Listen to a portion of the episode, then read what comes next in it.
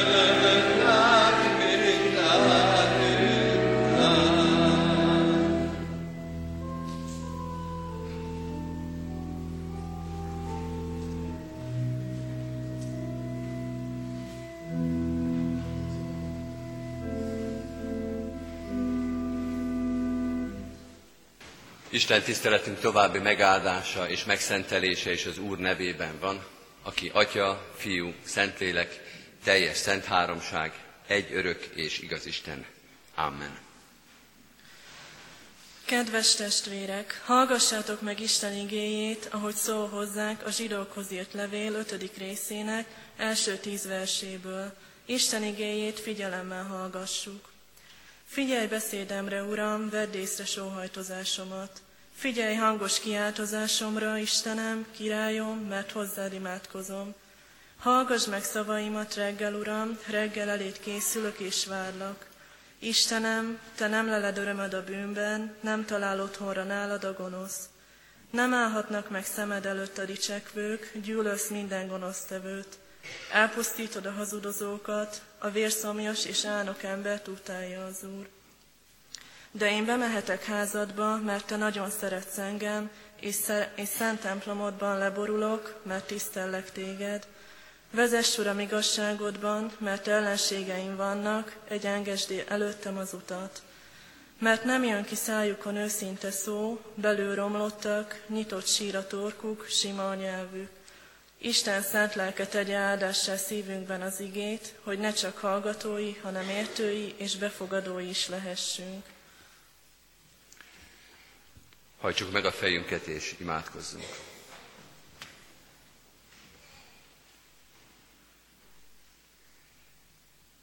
Mennyei atyán, köszönjük, hogy te nem bűneink és szívünk szándékai szerint ítélsz fölöttünk, hanem a te kegyelmed és szereteted szerint. Hogy nem csak azt látod, hogy mi van a szívünkben és mi van az életünkben, hanem azt is látod, hogy Krisztus milyen áldozatot vállalt értünk, hogy őre áttekintesz, hogy az ő szava, az ő kegyelmet, üdvösséget kérő és hozó szava, ami dönt az életünk felett. Mi is annyi mindent szeretnénk elérni. Talán jó és szent dolgokat is. Milyen jó, hogy mégsem a mi szándékunk és a mi erőnk dönt az életünk felől, hanem a mi Urunk Jézus Krisztus. Hadd üljünk itt azzal a reménységgel és bizonyossággal. Hadd hallgassuk a Te ígédet úgy, hogy tudjuk, Krisztusban Te már döntöttél az üdvösségünk felől hogy eljöttél, hogy megszólítottál, hogy Krisztusban vállaltad az életünk terheit, és hogy emiatt reménységgel és bizalommal hallgathatunk téged. Nem kell elbújdosnunk a színed elől.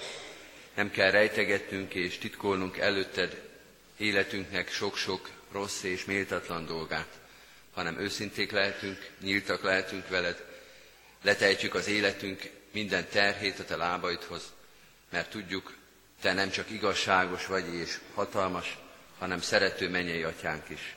Kegyelmes és irgalmas, türelmes, elfogadva minket, azzal együtt, hogy mi milyen sokszor nem fogadtunk el téged. Hűséges vagy hozzánk, akkor is, hogyha mi hűtlenek voltunk. Odafigyelsz ránk, akkor is, ha mi nem figyeltünk rád. Most is kérünk, irgalmaddal és kegyelmeddel légy itt velünk, és figyelj az életünkre, hogy mi is figyelhessünk a Te igédre. Lásd meg, milyen válaszokra van szükségünk. Ismert fel azokat a kérdéseket, fájdalmakat, amelyeket mi sem tudunk megfogalmazni. Mutasd meg, hogy mire van igazából szükségünk. Annyi minden után kapkodunk, olyan sok minden után szaladunk, pedig az igazán fontos, az egy fontos dolog a te kezedben van. Hadd érezzük ezt most meg, hadd lássuk meg, és hadd tudjuk ehhez mérni az egész életünket. Így ezzel a reménységgel kérünk, árasz kiránk szent lelkedet, jöjj el, mutasd meg, hogy a te igéd élő, ható, hatékony, életeket megváltoztató ige, amelyre nekünk is szükségünk van napról napra. Szólj hozzánk és taníts minket. Amen. 173. dicséretünkkel készüljünk Isten igéjére. A 173. dicséretünk nem vagyunk mi magunkéi, de Jézus vére, bére.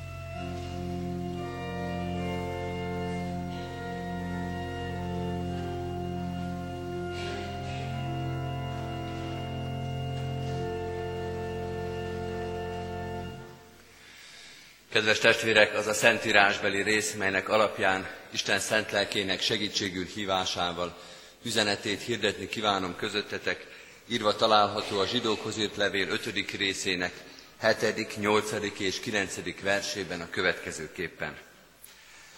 Ő testi élete idején könyörgésekkel és esedezésekkel, hangos kiáltással és könnyek között járult az elé, akinek hatalma van arra, hogy kiszabadítsa őt a halálból, és meghallgattatott Isten félelméért. Jó lehet ő a fiú, szenvedéseiből megtanulta az engedelmességet, és miután tökéletességre jutott, örök üdvösség szerzőjévé lett mindazok számára, akik engedelmeskednek neki. Eddig Istennek írott igéje.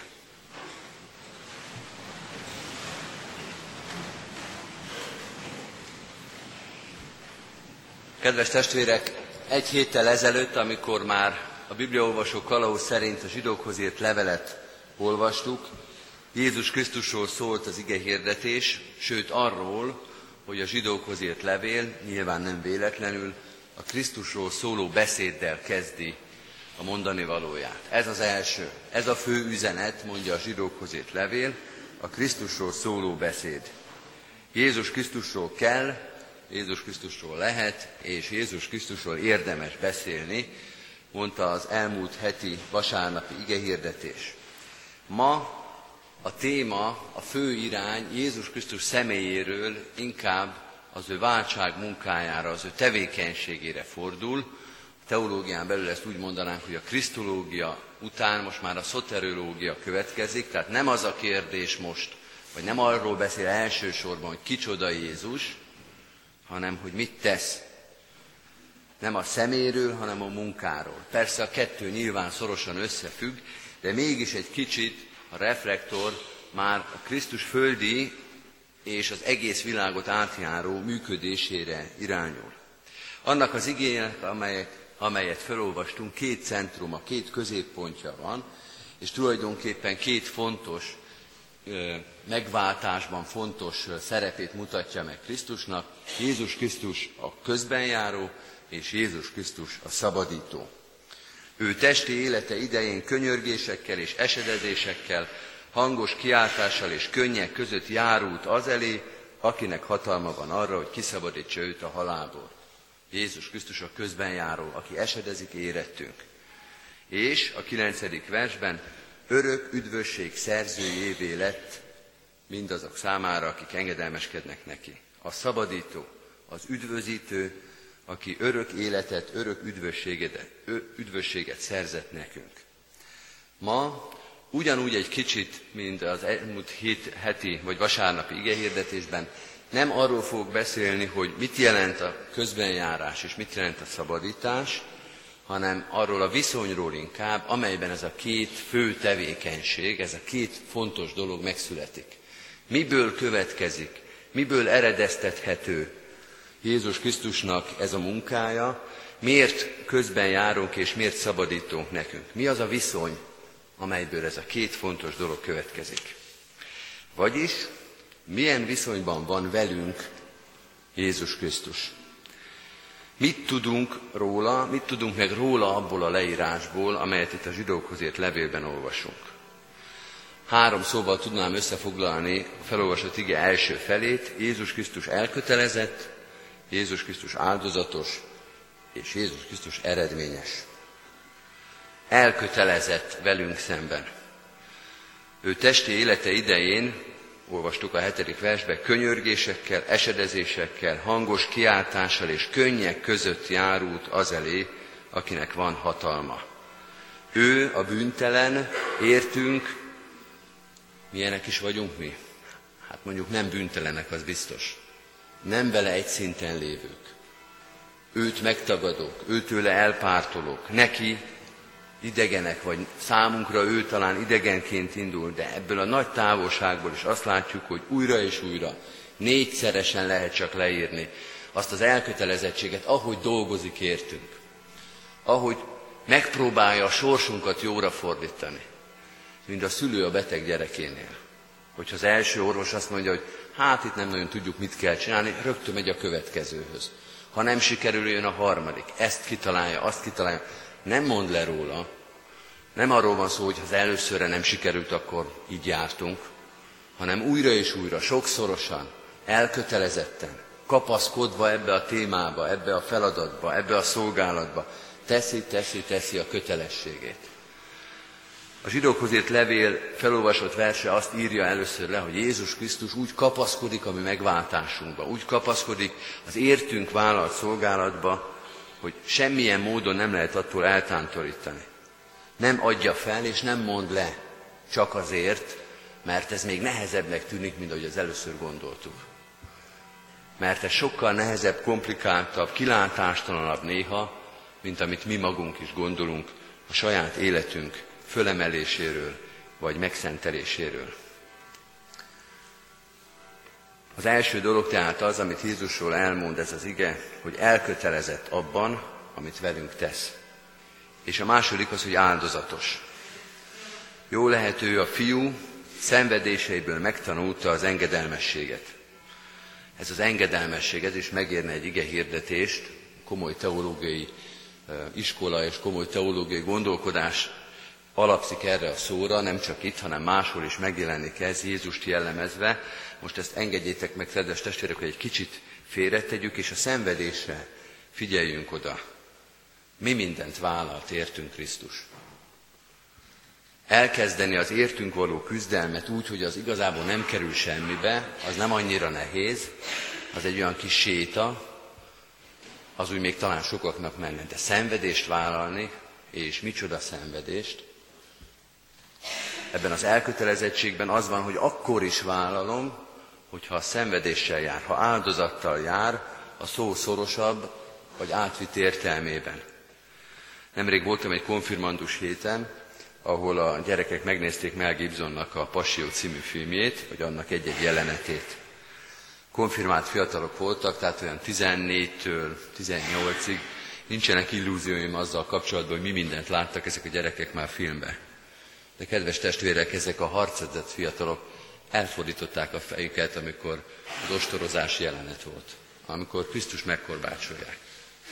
Ezek a mindent ismerő fiatalok nem tudnak belenézni abba a szenvedésbe, amit pedig csak egy film, tudjuk, hogy ez film, az festék, az nem igazi. Szembesülni azzal, hogy mi mindent vállal Krisztus értünk. Végülis ez volt a filmnek a célja is. És akkor még nem ez a legrosszabbám, hanem az, amit a film és Mel Gibson nem tud megmutatni, hogy mi van az alatt a néhány szó alatt, hogy szálla alá poklokra. Nem a töviskorszorú, nem a korbács és nem a kereszt az, ami a legnagyobb szenvedés Krisztus életébe, hanem ami a halála és a feltámadása között van, amire nincsenek szavaink, hogy milyen a kárhozat és milyen a pokorra szállás. Jézus úgy küzd értünk, hogy minden áldozatot vállal, minden árat, amit ezért meg kell fizetni, amit valakinek meg kéne fizetni, és ezt ő kifizeti helyettünk. Kell itt valaminek lenni, kell valamilyen magyarázat arra, hogy miért vállalja ezt Jézus, miért nem hagyja ott. Hogy egy másik filmre is utaljak, Krisztus utolsó megkísértése, ez a kérdés. Miért ne hagyná ott ezt az egész véres, szenvedésteli történetet a megváltó? Ez a kísértőnek a nagy ötlete, ez a kísértőnek a nagy feszegető éke, hogy hagyd ott, ne csináld végig, nem is szükséges, nem kell ez a vér, nem kell ez a szenvedés. És Krisztus nem hagyja ott, minden áldozatot vállal, minden árat megad azért, hogy a mi üdvösségünk megszülessen. Elkötelezett, áldozatos, és éppen ezáltal eredményes.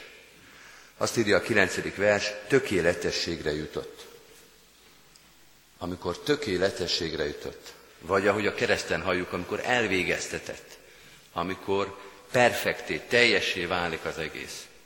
Nem csak itt-ott csillan meg benne valami kis fény ebbe a történetbe. Nem csak azt látjuk, hogy Jézusnak ez meg ez olyan jól megy, olyan ügyes benne, hanem tökéletes, teljes. Mi is sok minden jót tudunk tenni, mi is sok minden nagyra képesek vagyunk, de ő tökéletes. Minden emberi nagyság, jóság és és teljesség, vagy emberi teljesítmény fölé helyezi őt az ige, arra a tökéletességre, ami már megrendítő, ami már beleremeg az ember, nem is mer belenézni. Van egy pici kis emberi képe ennek, szintén egy filmélmény lesz, ma úgy látszik ez egy ilyen igehirdetés. Milos Formannak van egy híres film, az Amadeus című film, ami tulajdonképpen fikció, a zenetörténészek nem is nagyon szeretik, Na de hát ez a filmrendezőket nem nagyon szokta érdekelni. Két nagy zeneszerzőnek, Salierinek és Mozartnak a viszonyáról.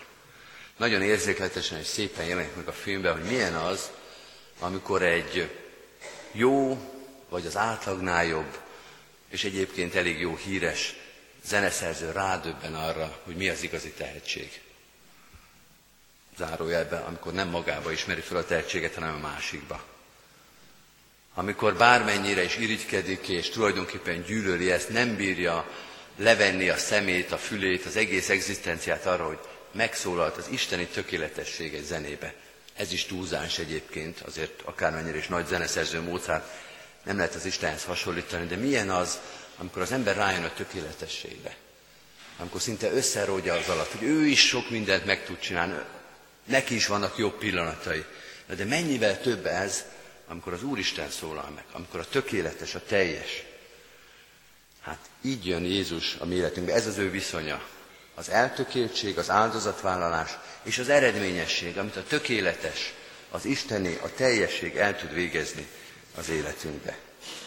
Ilyen, így közelít felénk, és így szólítja meg az ember életét. Mi következik ebből? Hogyan viszonyuljunk mi ehhez? Milyen az, amikor ez az elkötelezett, ez az áldozatos, és ez az eredményes, a megváltást és a közbenjárást, a tökéletesség eljuttató Krisztus bejön az életünkbe. Két dolog az, amit az Isten igéje elénk ad, a bizalom és az engedelmesség. Bizalom a tökéletességben, vagyis az eredményességben. Az a fajta bizalom, amikor rájövünk arra, hogy ha ő a mi közben járunk, ha ő a mi megváltunk, akkor itt nagy probléma már nem lehet. Akkor nem kell azon félni, azon izgulni, hogy vajon sikerül-e a megváltás. Hogy ki tud-e engem húzni az életem kátyujából. Hogy van-e olyan hatalma az Istennek, van-e olyan szeretete Krisztusnak, hogy rajtam is segítsen. Hogy ezek a szorongások elmúlnak, hiszen a tökéletesről beszélünk, nem egy nagyon jóról, nem egy sokra képesről, hanem a mindenről, a teljesről. Ott nincs értelme ezeknek a kérdéseknek. Igen, van hatalma, van szeretete, van akarata arra, hogy a mi életünket és a nálunknál rosszabbakat, ha van ilyen, még azokat is föl tudja emelni. Nem kell senkinek kioldalogni a templomból, hogy akkor ez rám még nem vonatkozik. Hogy ez még nem elég nekem. Hogy itt még valami nagyobbat kéne keresni. Hanem azt mondhatjuk, hogy igen, itt rólam is szó lehet, mert van erő abban, amit hallok, van erő abban, akit hallgatok, a megváltó Krisztusban, és fölemelheti az életemet. Egy kicsit erős példa következik.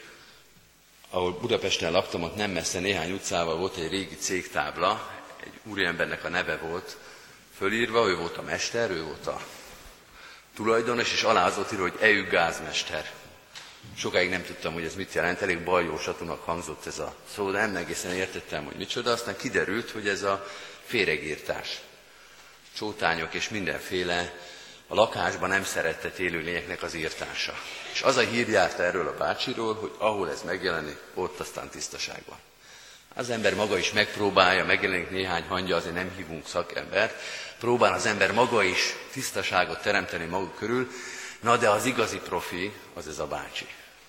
Jön a mindenféle palackjaival, meg ilyen permetezőkkel, meg mivel, és kipurgálja, kitisztítja azt a lakást, bármilyen makacs féreg is veti fel ott a fejét.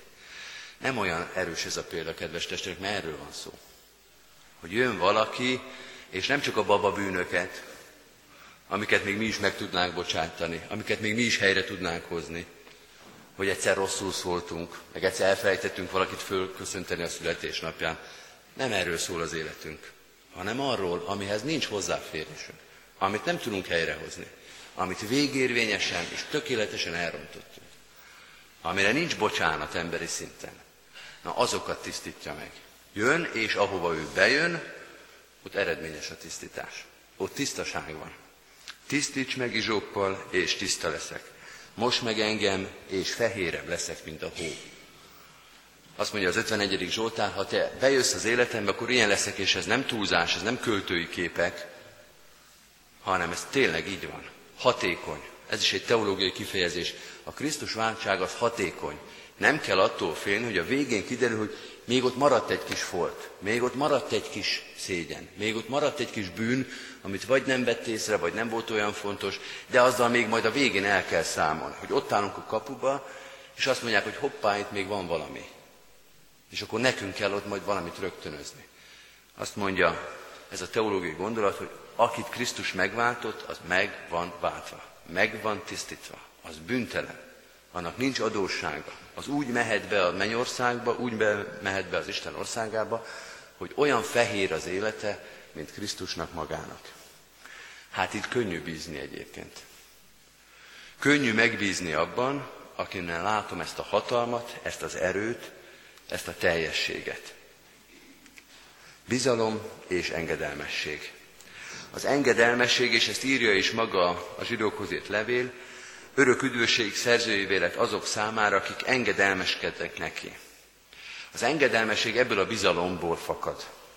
Mert kedves testvérek, nehéz úgy engedelmeskedni valakinek, hogy nem ismerem, nem értem, hogy mit akar, és nem is érzem, hogy az életemre nézve bármilyen következménye lenne annak, amit megteszek neki. Ez nem is engedelmesség, hanem szolgaság.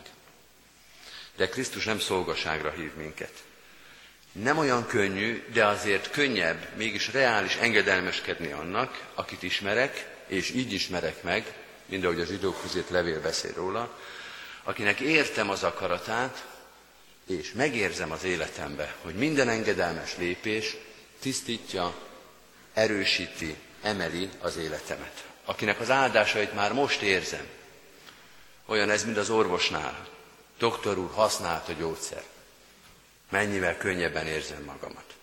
Könnyű úgy még egyszer visszamenni az orvoshoz, hogy érzem, hogy lépegetek előre a gyógyulás útján. Ezt az engedelmességet várja, és segíti Jézus ezzel a bizalommal, hogy erősíti bennünk a megértést, a megismerést, és azt az érzést, hogy előre tudunk haladni az engedelmességben. Ebben az értelemben az engedelmesség tulajdonképpen nem is cselekedet, nem egy konkrét dolognak a megtevése, vagy az attól való tartózkodás, hanem egy viszony. Hogy bibliai képpel éljek, olyan viszony, amilyen a szőlővesző és a szőlőtő között van. Hogy bele vagyunk oltva, belénk árad az ő kegyelme, az ereje. Azért tudunk gyümölcsöt hozni, mert tőle jön az erő, az alkalmasság, a gyümölcs terméshez, a megszentelt élethez, a jó cselekvéséhez az erő, az indítás, a rossztól való tartózkodás. Ez az engedelmesség, ez a nagyon szoros, termő, gyümölcsöző viszony. Milyen ez a Jézus? Milyen viszonyban vagyunk vele? Ki az, akivel szövetségre lépünk? Tulajdonképpen ez is lehetett volna egy hosszabb keresztelési prédikáció, mert erről szól a keresztség, a keresztelés, a Krisztusba való közösség, hogy kivel vagyunk mi egyáltalán kapcsolatban, kivel legy ez a kisgyermek most kapcsolatban. Egy elkötelezett, egy iránta elkötelezett, érte áldozatot vállaló, és az ő életében és üdvösségében eredményes megváltónak lett az ő a szövetségese. Mi egy elkötelezett, egy áldozatos és egy eredményes megváltó szövetségesei vagyunk, akiben megbízhatunk, és akinek engedelmeskedhetünk. Amen.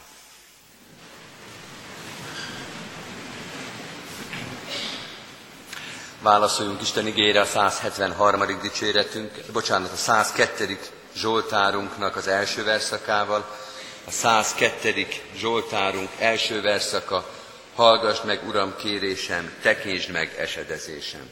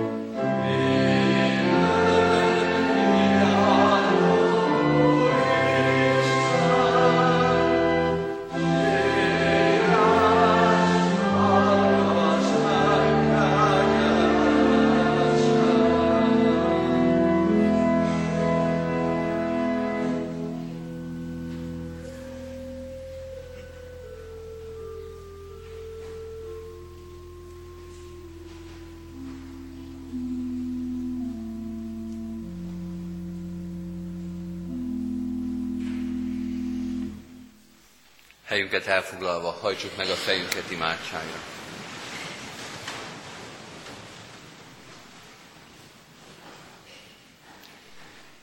Hallgass meg, Urunk, a kérésünket, tekintsd meg az esedezésünket. Halld meg, hogy rád van szükségünk, és téged hívunk segítségül. Köszönjük, hogy te már akkor meghallottad ezt a kérést, amikor mi talán ki sem tudtuk mondani. Még nyelvünkön sem volt a szó és Te már ismerted azt. Te már láttad, hogy mire van szükségünk, hogy mennyire hiány van az életünk reménységgenek és bizodalomnak. És eljöttél, Jézus Krisztusban vállaltad az életünket, nem csak az emberi lét kereteit, hanem az emberi létnek a terheit is, hogy a mi bűneinket is vállaltad, hogy amit mi elrontottunk, amit mi már nem tudunk helyrehozni, ami az életünket húzza, megkötözi, amelytől nem tudunk szabadulni, bármennyire is szerettünk volna, azt te meg tudod oldani. Fel tudsz oldani minket, a minket megkötöző erőket, meg tudsz szabadítani minket a mázsás súlyoktól, melyek néha beledöngölnek a földbe, amely rabságban tartanak. Köszönjük, hogy így jöttél hozzánk, és ezt mondod el nekünk, hogy tudhatunk erről. Hogy nem csak utólag és az életünk végén kell megtudnunk azt a szeretetet és kegyelmet, amelyet Krisztusban elhoztál, hanem már itt és már most. Ezt ismerhetjük, erre számíthatunk, erre alapozhatjuk az életünket. Bocsáss meg, hogyha ezt eddig nem tettük. Ha nem hittük el, hogy ez igaz. Ha nem mertük elhinni, hogy ez ránk is vonatkozik. Köszönjük, hogyha megszólítasz minket újra és újra, hogy türelmes vagy hozzánk, hogy nem csak egyszer vagy kétszer hívsz, hanem újra és újra hogy alkalmakat teremtesz az életünkben, amikor meghallhatjuk a Te igédet. Legyen ez a mai alkalom is ilyen, amikor nem csak a fülünkkel hallunk, hanem az egész életünkkel, hogy az igédet a szívünkbe fogadhatjuk, hogy elhihetjük, hogy ez rólunk szól, rólunk is szól, nekünk is szól, a mi életünket akarja megragadni, megszólítani, megváltoztatni. Köszönjük, hogy van válasz az életünkre, a Te válaszod annyi mindent kellene helyrehozni az életünkbe, annyi minden van, amit rendezni kell, rád bízunk ezeket. Te légy az életünknek az ura, átformálója, vezetője. Köszönjük, hogy így bízhatjuk rád az életünket és a szeretteink életét. Értük, könyörgünk most, akiket fontossá tettél számunkra, a gyermekeinkért, házastársunkért, testvérekért és szülőkért, unokánkért, közeli és távoli rokonságért gondviselő kegyelmed és szeretetet gyűjtse össze családjainkat, barátainkat, ismerőseinket. Akár itt élünk együtt, akár nagy távolságok választanak el. A te gondviselő kegyelmedben és szeretetedben nincs távolság, nincs idő, rád bízzuk hát őket, te vigyázz rájuk akkor is, hogyha távolra szakadtak tőlünk. Könyörgünk a terhet hordozókért, a betegeinkért, megfáradtakért. Különösen is imádkozunk a gyászolókért, Urunk, újra és újra koporsók mellett állunk meg. A halál és az elmúlás körülvesz bennünket. Te hisszük és érezzük, hogy a Te hatalmad és szereteted megmenthet minket a fájdalom és a gyász súlyától. Vigasztald a gyászolókat. Légy velük a temetőkertben, az otthon magányában. Hordozd terheiket és keresztjeiket, vigasztald és erősítsd szívüket. Könyörgünk a betegekért, a betegek körül élőkért, akiknek a szívében szorongás, félelem van, akik rád bízzák most szeretteiket. Urunk, te légy ott a betegágyon és műtőasztalon, te légy a kórház szomorúságában és magányában, te légy ott a lábadozásban, a reménykedésben, életünk minden terhének hordozásában. Imádkozunk a magányosokért, a megfáradtakért, idős testvéreinkért, ismered minden gondunkat, bajunkat, fájdalmunkat, szomorúságainkat, vigasztalj és erősíts minket, oly nagy szükségünk van rád. Könyörgünk az erősekért, a fiatalokért, a terhet vállalókért, a mások terhét hordozókért, te adj mindig alázatot és engedelmességet az erő mellé. Minden dolgunkkal, egész életünkkel, minden eredményünkkel hadd szolgáljuk a te dicsőségedet. Könyörgünk a gyülekezetünkért, városunkért, országunkért és nemzetünkért, minden közösségünkért, nem csak egyen-egyenként, hanem ezekben a közösségekben is szeretnénk engedelmesen követni téged, dicsőségedet hirdetni a világban. Te adj békességet a békétlenségben, szeretetet a szeretetlenségben, egymás megértését, elfogadását itt szerte a világban. Jézus Krisztusért, a világ megváltójáért, az egész világ uráért kérünk, hallgass meg minket. Amen. Most vigyük egyen-egyenként is imádságainkat Isten elé. Amen. Az Úr imádságot együtt mondjuk el, fennállva. Mi atyánk, aki a mennyekben vagy, szenteltessék meg a te neved. Jöjjön el a te országod. Legyen meg a te akaratod, amint a mennyben, úgy a földön is. Mindennapi kenyerünket add meg nékünk ma, és bocsásd meg védkeinket, miképpen mi is megbocsátunk az ellenünk védkezőknek.